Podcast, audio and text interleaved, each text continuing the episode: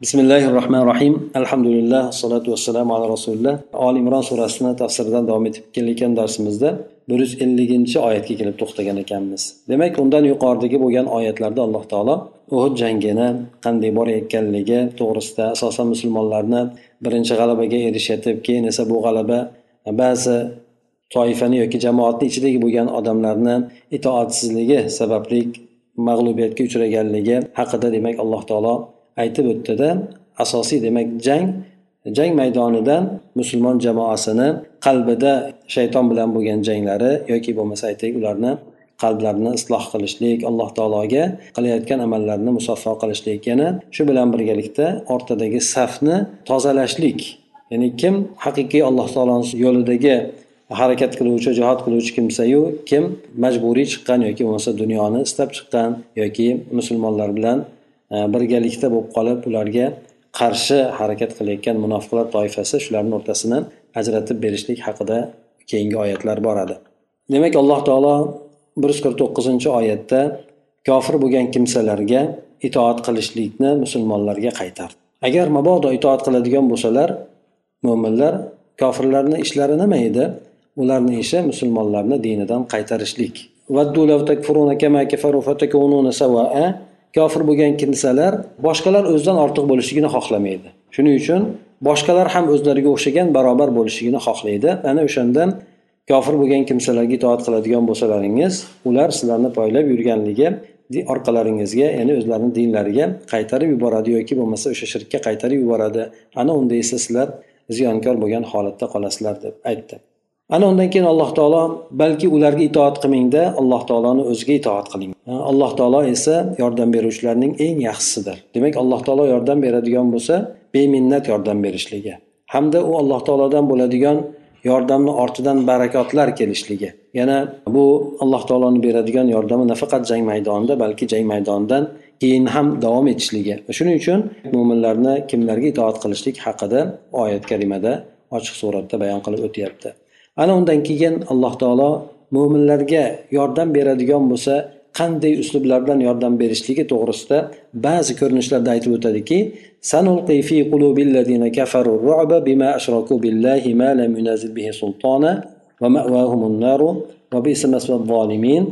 demak biz yaqinda kofir bo'lgan kimsalarni qalblariga ular alloh taologa e, alloh taologa olloh sulton ya'ni hujjatni nozil qilmagan narsalarni ya'ni butlarini alloh taologa shirk keltirganliklari sababli ularni qalblariga biz qo'rquvni solib qo'yamiz dedi.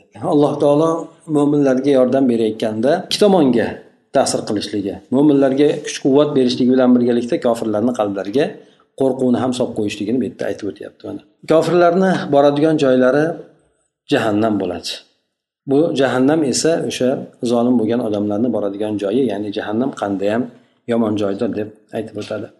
Bu oyatni tafsirida esa mufassir aytib o'tadiki سنلقي في قلوب الذين كفروا الرعب بما أشركوا بالله ما لم ينزل به سلطانا أي سنقذف في قلوب الكفار الخوف والفزع منكم بسبب إشراكهم بالله وعبادتهم لحجارة أو أوثان لا تضر ولا تنفع من غير حجة ولا برهان ya'ni alloh taolo kofirlarni qalblariga qo'rquvni qattiq bo'lgan dahshat shunaqa narsalarni solib qo'yamiz dedi. Albatta musulmonlardan bo'lgan qo'rquvni solib qo'yamiz dedi. Bu alloh taologa shirk keltirganliklari sababli.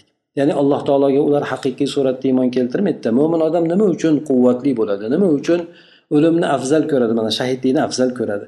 Chunki alloh taologa iymon keltiradi. Alloh taolo uni qilayotgan ishini zoya qilmaydi mukofotini juda ham yuqori qilib yoki chiroyli qilib beradi. Mana shu tomondan demak ularni qalblariga dalda beriladi. Kofirlarda esa bunday bo'lmaganligi uchun ular dunyoga yashash uchun kelgan maqsadi ham shu dunyodan foydalanib qolishlik bo'lganligi uchun ularni qalbida qo'rquv bo'ladi. Yana ular o'sha qo'rquv tushganligini sababi ular ollohdan boshqadan qo'rqqanligi uchun ollohdan qo'rqmaganligi uchun alloh taolo boshqa hamma narsadan qo'rqadigan qilib qo'yadi. Butlarga toshlarga ular ibodat qilganligi sababli. Bu narsalar albatta zarar ham foyda ham bermaydi. bularga ularni ibodat qilishligiga alloh taolo hech qanaqangi hujjatni ham dalilni ham tushirmagan shuning uchun yuqorida deb aytib o'tdi أي مسكنهم ومستقرهم في نار جهنم وبئست النار مسكنا ومأمن للظالمين وفي الحديث الشريف حديث الشريف نصرت بالرعب مسيرة شهر رواه البخاري demak kofirlarni bo'ladigan oqibatlari do'zax bo'ladi dedi. Demak ularni qalblariga alloh taolo bu dunyoda turgan paytda qo'rquvni solib qo'yadi ular mag'lub bo'ladi musulmonlar bilan bo'lgan jangda. Agar musulmonlar allohga xolis bo'ladigan bo'lsa yoki alloh taologa o'sha e, qattiq bog'lanishadigan bo'lsa ana o'shandek demak bularni boradigan joyi jahannam bo'ladi hamda bular e, zolim bo'ladi. Shuning uchun zolimlarni boradigan joyi qanday ham yomon deb aytib o'tyapti. Mufassir ham keltirib aytadiki ularni boradigan joylari qaror topadigan o'rinlari jahannam o'tida bo'ladi.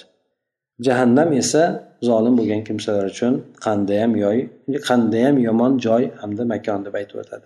Hadis sharifda esa payg'ambar sallallohu alayhi vasallamdan keladilarki u kishiga berilgan xususiyatlardan birisi men bir oylik masofadagi qo'rquv bilan yordamlandim deb aytganlar. Ya'ni payg'ambar sallallohu alayhi vasallamga bir qancha xususiyatlar berilgan bu kishiga bu kishidan tobian ummatiga ham berilgan bu narsa u aytishadiki bir oylik masofadagi deb aytganligini sababini mufassirlar yoki sharhlovchilar aytishadiki payg'ambar sallallohu alayhi vasallam o'sha o'zini davrlarida jang qiladigan masofa bir oylik masofani tashkil qilardi deydi.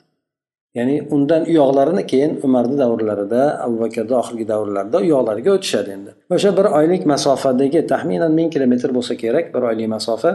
Ana o'shandek bu joydagi bo'lgan kofirlar payg'ambar alayhissalomni bu yoqdan harakatlanishligi madinadan chiqishligini eshitishlik bilan ularni qalblariga qo'rquv tushishligi mana shu narsalar demak ularda bo'lgan. U kishidan esa ummatiga qoldi. Shuning uchun musulmonlardan bu dushmanlarni qo'rquvi musulmonda hech narsa bo'lmasa ham quroli oz bo'lsa ham ha musulmonni o'zini shaklidan qo'rqishligi bor musulmondagi bo'lgan iymon quvvatidan qo'rqishligi bor.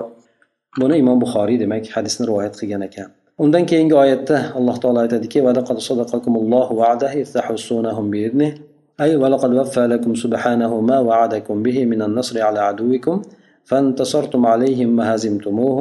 وقت كنتم تحسدونهم بسيوفكم وتقتلونهم قتلا ذريعا بإرادة الله وحكمه أنا عندن كيجن الله تعالى سلر جا وعدسنا راست جنا دديد وقت يجي سلر الله نزن بلن o'sha kofir bo'lgan kimsalarni ustidan g'alaba qilib ularni qilichdan o'tkazayotgan paytlaringizda deydi. Demak yuqorida aytib o'tdikki alloh taolo allohga bog'laninglar alloh taolo sizlarni hojalaringiz alloh sizlarga eng yaxshi yordam beruvchi dedi.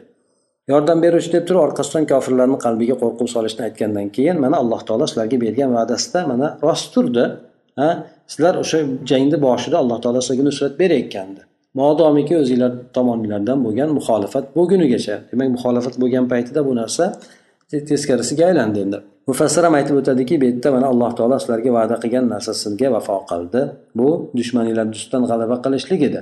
Sizlar ularni ustidan g'alaba qozonayotgandinglar ularni chekintirayotgandinglar qilichlaringlardan o'tkazayotgan va ularni judayam xunuk suratda tez tez o'ldirayotgan paytlaringizda. Bu narsa albatta alloh taoloni irodasi bilan hukmi bilan bo'lgandi. Demak jangni boshlanishligi hamma narsa risoladagidek risoladagidek ketayotgan edi shuning uchun musulmonlar ularni ustidan g'alaba qozonishayotgandi حتى إذا فشلتم وتنازعتم في الأمر وعصيتم من بعد ما أراكم ما تحبون منكم من يريد الدنيا ومنكم من يريد الآخرة ana undan keyin esa alloh taolo aytadiki hattoki sizlar qo'rquvga tushib qolgan paytinglarda ishda muxolif bo'lib qolgan paytinglarda ya'ni payg'ambar alayhissalomni buyruqlariga sizlar teskari ish tutib qolgan paytlaringizda hamda sizlar o'zinglar yaxshi ko'rgan narsalaringizni alloh taolo sizlarga ko'rsatgandan keyin yaxshi ko'rgan narsasi insonniki ko'proq insonga yaxshi ko'rsatilgan narsa bir tomondan g'alaba bo'lsa ikkinchi tomondan o'lja bo'ladi.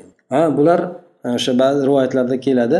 O'ljalarni o'z ko'zi bilan dushmanlar o'ljalarni tashlab ketayotgan paytlarida hattoki o'sha ancha muncha narsalar qolib ketayotgan paytida bular ko'ziga boshqacha ko'rinib ketadi bu narsa. Ya'ni hamma yo'q bo'ldi hal bo'ldi deb turib payg'ambar alayhissalom bo'lmasa ularga oldin aytgandi hattoki bizni mag'lub bo'layotgan bo'lsak ham g'alaba qilayotgan bo'lsak ham joyinglardan qimillamasdan turasizlar degan nimada qattiq e, ulardan e, ahd olgan edi.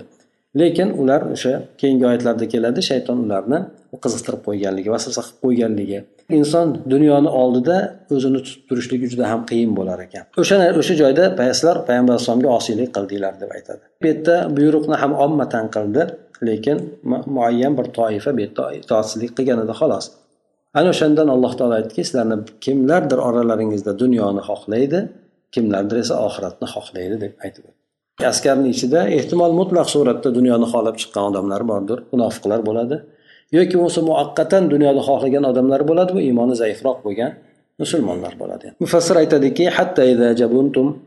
وضعف رأيكم واختلفتم في أمر المقام في الجبل وعصيتم أمر الرسول صلى الله عليه وسلم من بعد أن كان النصر حليفكم منكم من يريد الدنيا أي الغنيمة ومنكم من يريد الآخرة أي ثواب الله وأجره العظيم يعني سلر qo'rqoqlik qilib qolgan paytinglarda va fikringlar zaiflashib qolgan paytda va tog'da turgan ya'ni turishlikka buyurilgan ishda yoki buyruqda ixtilof qilib qolgan paytinglarda ya'ni bu buyruqqa teskari ish tutib qolgan paytinglarda rasululloh sollallohu alayhi vasallamni ishlariga e, e, osiylik qilib qolgan paytinglarda yoki buyruqlariga osiylik qilib qolgan paytlaringizda o'sha sizlarni g'alaba hamrohiylar bo'lgandan keyin yuqoridagi bo'lgan narsa demak endi keladi mana pastda. Ish teskariga ketdi o'sha paytda alloh taolo sizlarga va'da qilgandi va'dasini vafo qildi o'sha paytda.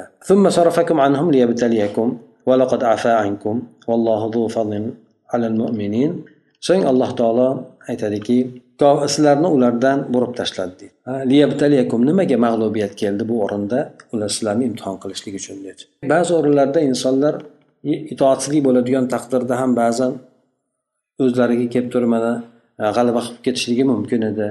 Yoki bo'lmasa aytaylik ba'zida o'sha bu muhit jangini ham olib ko'radigan bo'lsak boshida g'alaba qilib ozroq e, noto'g'ri ish bo'ldi lekin yana to'g'irlanib alloh taolo yana yerda quvvatni berib nusrat bilan g'alaba qilib ketishligi mumkin edi. Lekin bu yerdagi imtihon bor ediki bu narsa imtihon musulmonlarga juda ham katta foyda beradi. Mana undan keyingi kelayotgan oyatlar o'sha jamoatni demak itoatsizlik bo'ladigan bo'lsa itoatsizlik juda yam xatarli ish ekanligini uni oqibatida juda yam katta zararlarga olib kelishligi mumkin ekanligini bu yerda bizga ko'rsatib beradi. Agar mabodo shu narsa g'alaba davom etib turib yana g'alaba qilib ketgan paytda ya'ni itoatsizlik ham g'alabaga borishi mumkin ekan deb turib ancha muncha odamni buyruqqa bo'lgan qarashligi zaiflashib ketishi mumkin edi. Demak bu yerda alloh taolo sizlarni imtihon qilishlik uchun sizlarni ulardan burib yubordi. Demak ish chappasiga qarab ketdi. Endi alloh taolo lekin shu narsalar bo'lib o'tdi. Bu narsalar qasddan bo'lgani yo'q lekin o'sha insonni dunyoni oldida o'zini tutab turolmasligi bor. Shuning uchun alloh taolo sizlarni afv qildi dedi. Shunchalik mag'lubiyat bo'lgan taqdirda ham alloh taoloni marhamati keng. Shuning uchun sizlarni afv qildi dedi. Mana mo'minlarga alloh taolo ko'p keng fazl egasidir deb aytib o'tadi. Mufassir aytadiki sizlarni alloh taolo kofirlardan bo'lib yubordi qaytarib yubordi. Ya'ni sizlarga yetgan nima bilan e, chekinishlik bilan chekinishlik sababli kofirlardan bo'lib yubordi. Bu yerda sizlarni imtihon qilishlik uchun iymoninglarni sinab ko'rishlik uchun. Ana o'sha jangda bir odamlarni ustiga mag'lubiyat tushadigan bo'lsa imtihon mana imtihonni natijasi keyingi oyatlarda ko'rinadi. Kimlardir afsus nadomat qilib qoladi. Qayerdan ham bo'lgan ekan bo'lmasa chiqmasdik degan munofiqlar o'zlari shunday ko'rinib qoladi o'zlarini gaplari bilan. Yana undan tashqari iymonli bo'lgan kimsalar o'sha jang mobaynida qattiq turishligi yoki bo'lmasa payg'ambar alayhissalomni hattoki o'ldirildi deb gap tarqatilgan paytda ba'zi sahobalar demak tarozlari qo'ltig'idan tushib judayam quvvatsizlanib qoladi. Ba'zilari esa o'sha o'sha o'rinda ham mahkam turib demak urushni oxirigacha borishlikka qolganlarni targ'ib qiladi. Ana o'shanday bo'lib turgan holatlar demak alloh taolo sizlarni imtihon qilishlik uchun deb aytib o'tyapti. Keyin lekin shunday osiylik qilgan taqdiringlarda ham alloh taolo sizlarni afv qildi. Nimaga? Chunki alloh taolo aslida mo'min bandalarni yaxshi ko'radi ancha muncha xatolarni ulardan o'tib yuboradi. Shunga ko'ra alloh taolo mo'min bandalariga buyuk fazl marhamat egasidir deydi. Shuning uchun alloh taolo marhamati katta bo'lganligi uchun sizlarni sizlarga jazoni yubormadi. Ya'ni jazo o'zinglar bilan o'zinglar bo'ldi lekin payg'ambar alayhisalomni itoatsizlik payg'ambar sallallohu alayhi vasallamni buyrug'iga itoatsizlik qilganliklari uchun alohida bularni jazolamadi alloh taolo. Ya'ni rivoyat qilinadiki payg'ambar sallallohu alayhi vasallam uhud jangida tog'ni tepasiga kamonchilardan elliktasini qo'yib qo'ygandi va ularga aytgandiki la tabrahu amakinakum hatta walau ra'aytumuna takhattafatna at-tayru. Ya'ni o'rinlaringlardan qimillamaysizlar yoki qimirlamanglar. Hatto bizlarni qushlar olib ketayotganligini ko'rsanglar ham. Ya'ni o'ldirilayotganimizni ko'rsanglar ham nima bo'layotganini ko'rsa ham qimirlamay turdi. To buyruq bo'lgunigacha. Ha sizlarga buyruq alohida kelgunigacha qimillamay turasizlar dedi. Lam taqva mushrikin ala sabat. Jang ikkala toifa yoki musulmonlar bilan kofirlar mushriklar uchrashgan paytda mushriklarni otlari sabot bilan turishlikka kuchi yetmay qoldi. O'sha kamonchilarda tomonidan ularni yuzlariga e, otilayotgan yoki yuzlarini olayotgan nima sababli? O'qlar sababli. Ya'ni jur'at qilib oldinga kelisholmadi ular qachon tushib ketgandan keyin keyin xolid valid o'zi askarlar bilan otliqlar bilan nimaga? Musulmonlarni orqa tomonidan bostirib kiradi endi. O'sha paytda e, mushuklar chekinishdi kamonchilar buni ko'rgan paytda aytishdiki o'lja o'lja deyishdi. Qiziqda bunday aytganda o'zi odatda o'lja hamma odam xohlagan narsasini olmaydi. Hammasi yig'iladi keyin u taqsim qilinadi. Ular tushib olsa ham ular tushib olmagan taqdirda ham ularga beriladigan ulush beriladi. Lekin insonni ko'zi ekan bu narsa. O'sha paytda demak hamma narsani tashlab turib o'sha o'lja ko'ziga chiroyli ko'rinib ketganligi uchun oldinga qarab yugurishadi tog'ni tark etishdi va o'ljalarni yig'ishlikka tushib ketishdi payg'ambar sallallohu alayhi vasallamni buyrug'iga esa xilof qilishdi ana o'sha paytda mushuklar tog'ni orqa tomonidan ularga qarab kelib qoldida g'alaba esa musulmonlar uchun chekinishga yoki mag'lubiyatga aylanib ketdi mana shu narsaga keyingi oyatlar ishora qilib o'tadi dedi إذ تصعدون ولا تلوون على أحد والرسول يدعوكم في أخراكم فأثابكم غما بغم لكي لا تحزنوا على ما فاتكم ولا ما أصابكم والله خبير بما تعملون vaqtiki sizlar ya'ni bu yerda musulmonlarni alloh taolo qochayotganligini tasvirlab beryapti ya'ni musulmonlar toqqa qarab qochishgan ya'ni toqqa qarab qochganligini sababi yana qutulib qolishligi uchun ya'ni tum taraqay qochish birovga qaramasdan qochish ya'ni qiziqda bunday aytganda odam kutmagan narsa qo'qqisdan sodir bo'lib qoladigan bo'lsa odam o'zini tutolmay qoladi. Bir muddat ishonmay qoladi. Bularda ham to'satdan mag'lub g'alaba qilib hursin odamga to'satdan mag'lubiyat bo'lib yoki orqadan qayerda bir qo'shin bostirib kelib qoluvdi bunda odam hayratga tushib qoldida nima qilishligini bilmasdan to'g'ri kelgan tomonga qarab qochishda hech kimga qaramadi. Hattoki aytadiki rasululloh sollallohu alayhi vasallam sizlarni orqanglardan chaqirardi ham sizlarni deydi. Shunga ham qarashmadi. Ana undan keyin ba'zilar alloh taolo ba'zilarni o'sha paytda sobit qadam qiladi. Payg'ambar alayhissalomni chaqirig'iga quloq solishib turib o'sha kishini atrofida jamlanib payg'ambar alayhissalom bilan birgalikda tog' tomonga qarab ketishadi.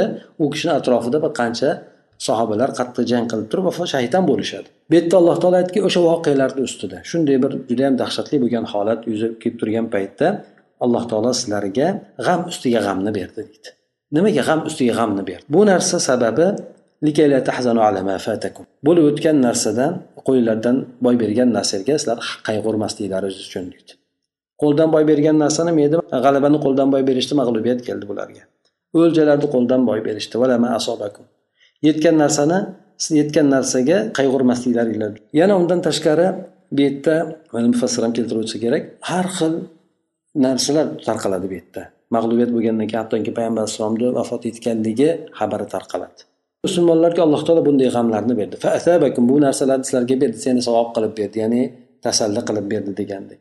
Ya'ni insonni hayoli bir stress bo'lgan holatga tushib qoladi inson. Qayg'urib g'am bosib qolgan paytida alloh taolo ularda har xil g'amlar bilan hayolini boshqa tomonlarga burdi. Doimki ular o'zlariga kelib o'zlarini nima qilib olsin?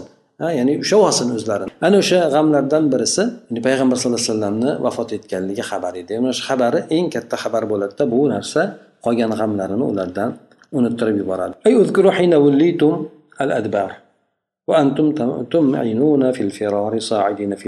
Ya'ni sizlar eslanglar deb aytyapti alloh taolo. Vaqtiki orqaga qarab chekingandinglar qochishlikka judayam berilib ketgandinglar tog'larga chiqqan holatinglarda dushmaninglardan mag'lub bo'lgan holatinglarda birontadan bironta odamga qaramasdi. Qo'rquvni ya'ni xavfni qattiqligidan bir biriga hech kimga qaramasdinglar dedi. Ya'ni inson shunday bo'lib turgan paytida juda yam zaiflashib qolar ekanda iymon tomonidan ham. Bo'lmasa boshqa paytda inson shahidlikka intilib qoladi mayli o'lib ketsam ham deydi jonimni ham beraman deydi lekin shunday ba'zi holatlar bo'lar ekanki bu holatlarda inson zaiflashib qolar ekan. Rasululloh sallallohu alayhi vasallam esa sizlarni orqalaringizdan sizlarni chaqirardi. Aytardiki ya ibadalloh ey allohni bandalari menga kelinglar meni oldimga kelinglar deb chaqirardi ya'ni ularni o'sha kuch quvvatni nima qilib yana dushmanlarni hujumini qaytarishlikka targ'ib qilardilar payg'ambar sallallohu alayhi vasallam esa aytadilarki men tirikman o'ldirilganim yo'q deb turib ana shunday paytda جازاكم على صنيعكم غما بسبب غمكم لرسول الله صلى الله عليه وسلم ومخالفتكم لأمره لكي لا تحزنوا على ما فاتكم من الغنيمة ولا ما أصابكم من الهزيمة والله يعلم المخلص منكم والمجاهد في سبيله demak alloh taolo ana shunday bo'lib turgan paytda sizlarni g'amiylar sababli ya'ni g'am ustiga g'am qil qilgan ishinglarga ko'ra g'am bilan alloh taolo g'am berdi sizlarga g'amiylarni ustiga g'am berdi. Bu narsa deydi rasululloh sollallohu alayhi vasallamga sizlar g'am qilganinglar uchun. Ya'ni payg'ambar alayhisalomni juda eng katta musibatda payg'ambar alayhisalomdan ajralib qolishlik. U payg'ambar alayhisalomdan ajralib qolganligini eshitganligi qolgan hamma narsasi ulardan unuttirib yuboradi. Mag'lubiyatni ham unuttirib yuboradi yoki bo'lmasa qo'ldan boy bergan o'ljalarni ham boshqa narsalarni ham ularga unuttirib yuboradi. Ya'ni payg'ambar sallallohu alayhi vasallamga g'am qilganinglar yana payg'ambar alayhissalomni buyrug'iga muxolif bo'lib qolganinglarni g'ami e, bo'lib qolganinglar sababli alloh taolo sizlarga g'am berdi. E, g'am hattoki payg'ambar alayhissalomga itoatlik qilib qo'ydik deb turib inson cho'kib qolishligidan ham u narsa g'am ularni qutqardi. Ya'ni payg'ambar alayhissalomni vafot etganlik to'g'risidagi xabari ularni hech qanaqangi g'amni qoldirmadi. Faqatgina o'sha payg'ambar alayhissalomni hayolida payg'ambar alayhissalomga nima bo'ldi degan narsa endi nima qilamiz degan narsa ularni qamrab oldi. Bu narsa aytib o'tganimizdek demak sizlarni qo'l qo'linglardan boy bergan o'ljalarga qayg'urmasliginglar va yana sizlarga yetib qolgan e, mag'lubiyatga qayg'urmasliginglar uchun alloh taolo sizlarga shunday g'amlarni berdi deydi. Alloh taolo sizlardan kim xolis bo'lyapti o'zini yo'lida jihod qilyapti bu kimsalarni biladi o'zi deydi. Ana undan keyin alloh taolo mo'minlarga yana yordamini boshqa tomondan yana berganligini bizga bayon qilib o'tadi. ثم أنزل عليكم من بعد الغم أمنة نعاسا يغشى طائفة منكم وطائفة قد أهمتهم أنفسهم يظنون بالله غير الحق ظن الجاهلية ya'ni alloh taolo sizlarga o'sha g'amdan keyin ya'ni aytib o'tdik payg'ambar alayhissalomni vafot etganlik g'ami ularni hamma narsalarni unuttirib yuborgan dedik ana o'shandan keyin alloh taolo sizlarga bir mudroqni berdi deydi mudroq bilasizlar yengil uyqu bo'ladi amanatan omonlik qilib berdi bu narsani ya'ni odam mana bilasizlar ba'zida juda charchab ketgan paytida ozgina uyqu insonga yetarli bo'ladi.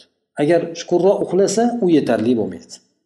Yo ozgina uxlab o'ziga tutib olish kerak agar yarim soat bir soatdan uzoqroq uxlaydigan bo'lsa ya'ni yaxshiroq dam olish kerak deyishadi. Ozgina bo'lgan uyqu odamni tetiltirib qo'yadi.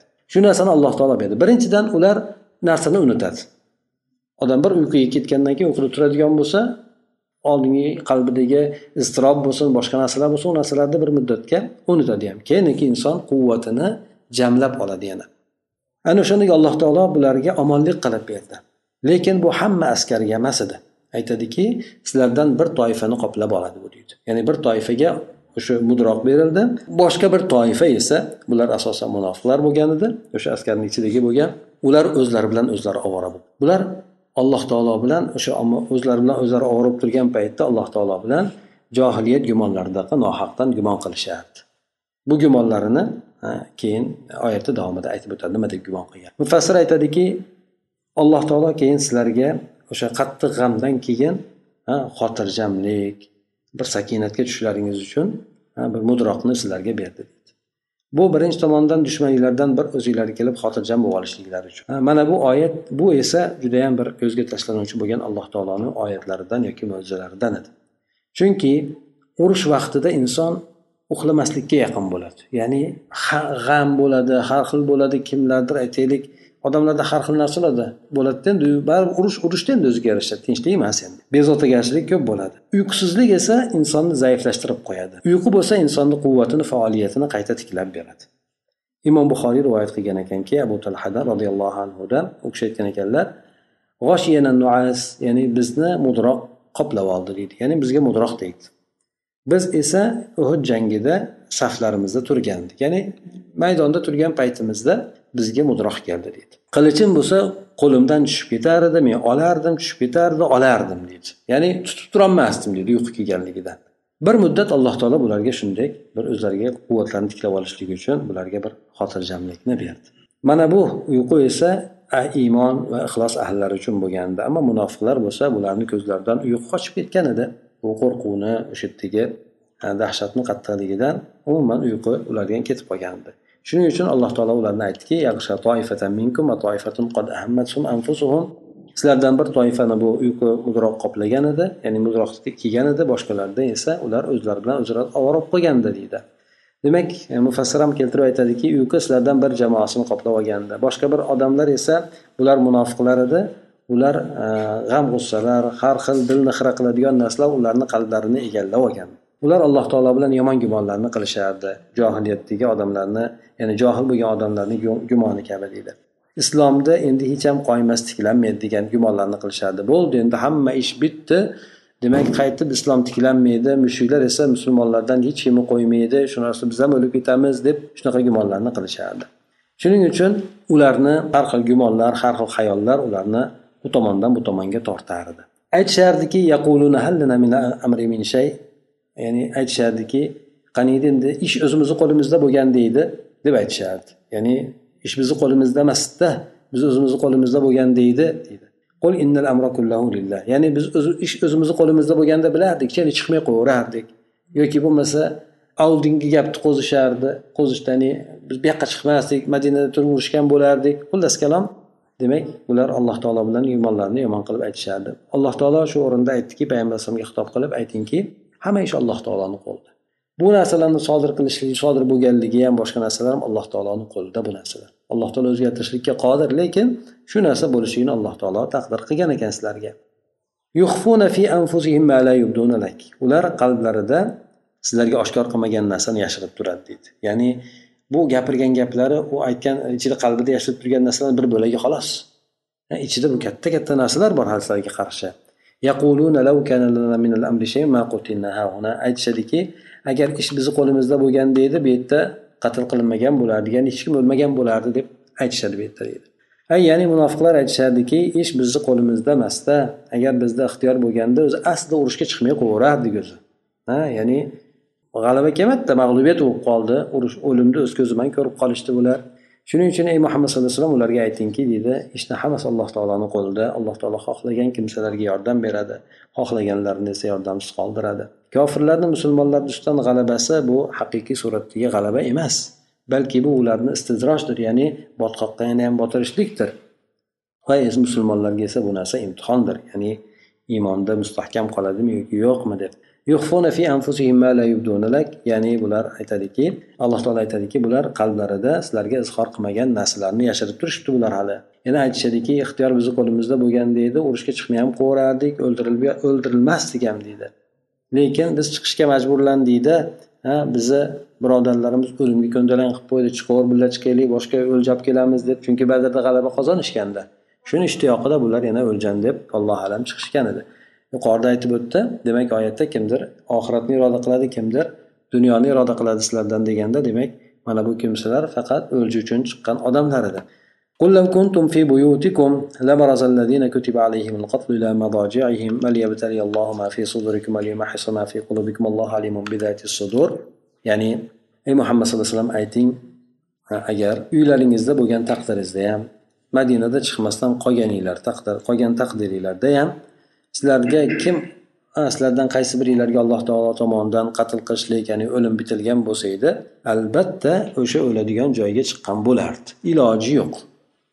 Alloh taolo sizlarni qalbinglardagi bo'lgan narsani imtihon qilib ya'ni sizlarni ko'ksinglardagi bo'lgan narsani imtihon qilib qalbinglardagi bo'lgan narsani alloh taolo poklashligi uchun shu narsalar sodir bo'ldi. Musulmonlarga xitob bu narsa alloh taolo demak qalb egalarini ham biladi. Ya'ni insonlarni qalbida nima kechayotganligini alloh taolo biladi deb o'tadi mufassir aytadiki bu oyatlarda ayting ey muhammad sallallohu alayhi vasallam agar sizlar uylardan chiqmasdan madinada o'tirib olgan taqdiringlarda ham baribir alloh taolo kimga o'limni taqdir qilgan bo'lsa o'sha kimsalar o'zini halok o'rinlariga chiqishgan bo'lar edi.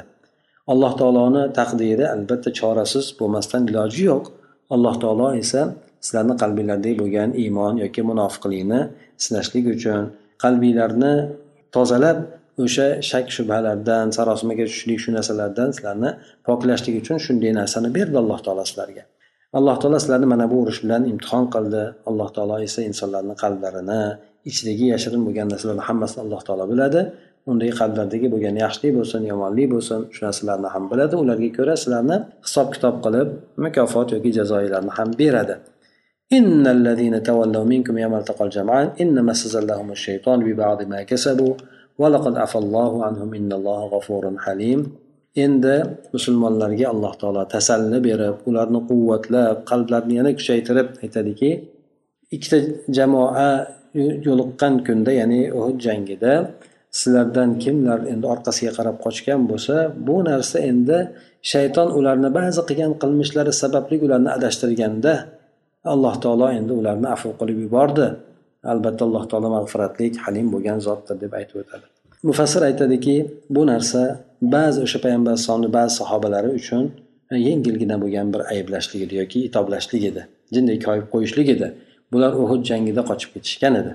Ya'ni sizlardan shu jangda chekingan kimsalar ya'ni musulmonlarni jamoasi bilan mushuklarni jamoasi uhudda bir biriga yo'liqqan kunda narsalardan chekinib ketgan kimsalar ularni shayton vasvasasi bilan adashtirib qo'ygan edi. Odamlar haliginaqa mag'lubiyat bo'lgandan keyin ozgina mag'lubiyatni holatini ko'rgandan keyin orqaga qarab qochib ketib qolishdiku payg'ambar alayhissalomni ham eshitmasdan boshqa shularni ham hattoki shayton o'zini vasvasasi bilan adashtirib qo'ygan edi.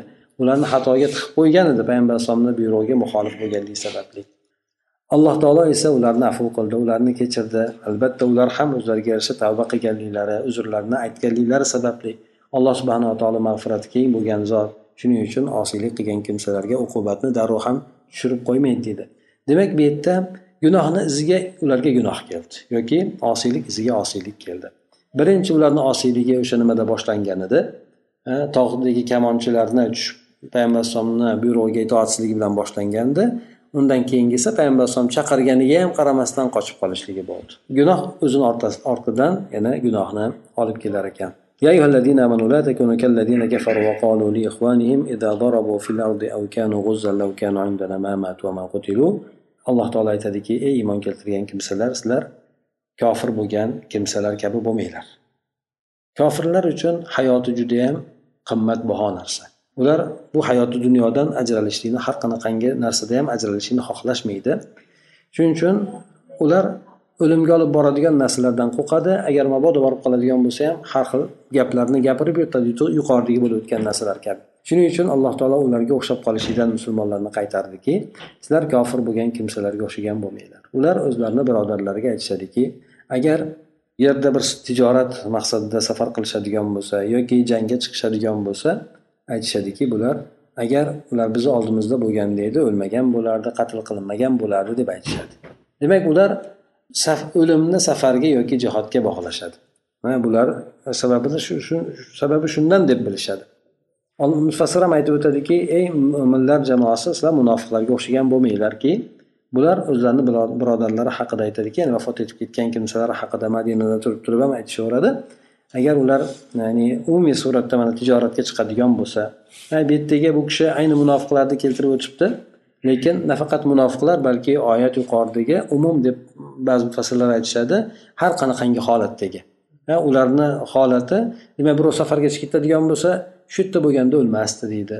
Ha yoki bo'lmasa urushga chiqadigan bo'lsa shu yerda qolganda o'lmasdi deydi. Bu umumiy suratdagi o'sha kofir bo'lgan yoki munofiq bo'lgan odamlarni gapi edi. Bular demak allohni yo'lida mujohid bo'lib jangchi bo'lib chiqadigan bo'lsa chiqqan paytlarida aytishadiki agar safar qilmaganda yoki jihod qilmaganda o'lmay qolgan bo'lardi qatl qilinmagan bo'lardi deb aytishadi. Hattoki musulmonlar haqida ham shu gapni aytishadi. Palonchi o'libdimi? Shu chiqmaganda bormaganda o'lmay qolardi deb turib shunaqa gaplarni aytib yotishadi endi. Bu narsani alloh taolo ularni qalblarida hasrat bo'lishligi uchun shunday qildi alloh taolo. Ya'ni bular o'zlarini o'zlari yeydi. Musulmon bo'lgan odamchi alloh taoloni taqdiriga tan beradi allohni taqdiriga topshiradi. Bular esa qalblarida ming bir sabab istab yotishadi. Alloh taolo o'ldiruvchi ham ya'ni hayot beruvchi ham o'ldiruvchi ham alloh taolo deb aytadi. Alloh taolo sizlar qilayotgan narsalarni hammasini ko'rib turadi bilib turadi deydi demak bu oyatda aytib o'tdiki ya'ni yerda tijorat qiladigan bo'lsalar yoki jangchi bo'lib chiqadigan bo'lsalar dedi. Demak tijorat aslida jangdan ko'ra ko'proq bo'ladi. Shuning uchun alloh alam mufassirlar aytishadiki muqaddam qilindi bu narsa. Demak birinchi tijorat qilsalar yoki jang qilsalar dedi. Demak tijorat ko'p bo'ladi shuning uchun muqaddam qilindi. Holatda ham ma matu ma qutilu o'lishmagan bo'lardi. Ya'ni tijorat boshqa maqsadlarda chiqqan odam yoki jangga chiqqan odam qatl qilinmagan bo'lardi. Shartini javobida ham o'sha tartib bilan keltirib o'tyapti. Mufassir aytadiki keyingi oyatni shu oyatni davomini tafsirida e, bu narsani ular aytishardi e'tiqod qilishardi bu narsa ularni qalblarida hasrat bo'lib qolardi g'am g'ussa bo'lib qolardi qayg'u bo'lib qolardi bu narsa. Chunki o'lim ya'ni o'limdan insonni bir joyda chiqmasdan o'tirishligi o'limdan man qilmaydi alloh taoloni o'zigina insonlarni insonlarga hayot baxsh etadi hamda vafot ettiradi ham. Bu yerda farqi yo'q. Inson o'zini uyida o'tirib qoladimi yoki bo'lmasa alloh taoloni yo'lida jihod qilib chiqadimi? Alloh taolo bandalarni amallaridan hammasidan xabardordir. O'shalarga ko'ra alloh taolo ularni mukofotlarini yoki jazolarini beradi. Demak bu yerdagi yuqoridagi bo'lgan oyatlar musulmonlarni urush paytidagi bo'lgan holatida muolaja qilib beryapti bizga. Demak bu narsalarda bo'lib o'tgan ish ish bo'lib o'tdi. Alloh taolo afu qildi. Ularni kechirib yubordiyu lekin sabablarini aytib o'tishlik buni man qilmas ekan. Demak sabablari itoatsizlik bo'ldi. Itoatsizlik orqasidan yana boshqa itoatsizlik kelib chiqdi. Mana shu narsa oqibatida esa katta musulmonlar jamoasiga zarar bo'ldi.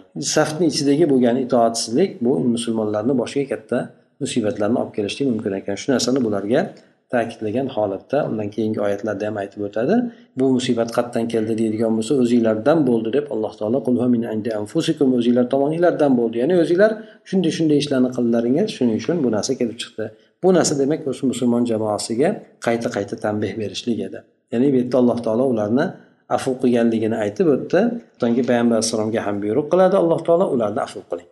Sizni haqqingizda bo'lgan narsada siz afu qiling meni haqqimda ular itoatsizlik qilgan bo'lsa mendan ularni gunohini kechirishligini so'rang deb turib alloh taolo payg'ambar alayhisalomga aytadi. Bu narsa esa o'sha musulmon jamoasi alloh taoloni e'tiborida qanday yuqori darajada ekanligini qanday e'tibori katta ekanligini alloh taolo bu bilan bayon qilyapti. Ya'ni mo'min bo'lgan bandalar itoatsizlik qilgan taqdirda ham shayton adashtirib qo'yishi mumkin lekin alloh taologa qaytadigan bo'lsa alloh taolo o'sha zahoti ularni qabul qilishligi hamda ularni gunohlarini kechirishligi demak yuqoridagi oyatlardan bizlarga ma'lum bo'ladi. Xato qilishlik bo'lar ekan insondan hattoki mana sahobalardan ham bo'ldi. Bo'lib ham payg'ambar alayhisalom qattiq qattiq ta'kidlagandan keyin ham bo'ldi. Inson shu narsani e'tiborga olish kerak ekan. O'sha xato mabodo bir xato bo'lib qoladigan bo'lsa bo'ldi odamlarni tashlab aloqalarni uzib boshqa qilib tashlashlik bu jamoatga to'g'ri kelmas ekan. سبحانك اللهم وبحمدك نشهد أن لا إله إلا أنت نستغفرك ونتوب إليك اللهم انفعنا بما علمتنا وعلمنا ما ينفعنا وزدنا علما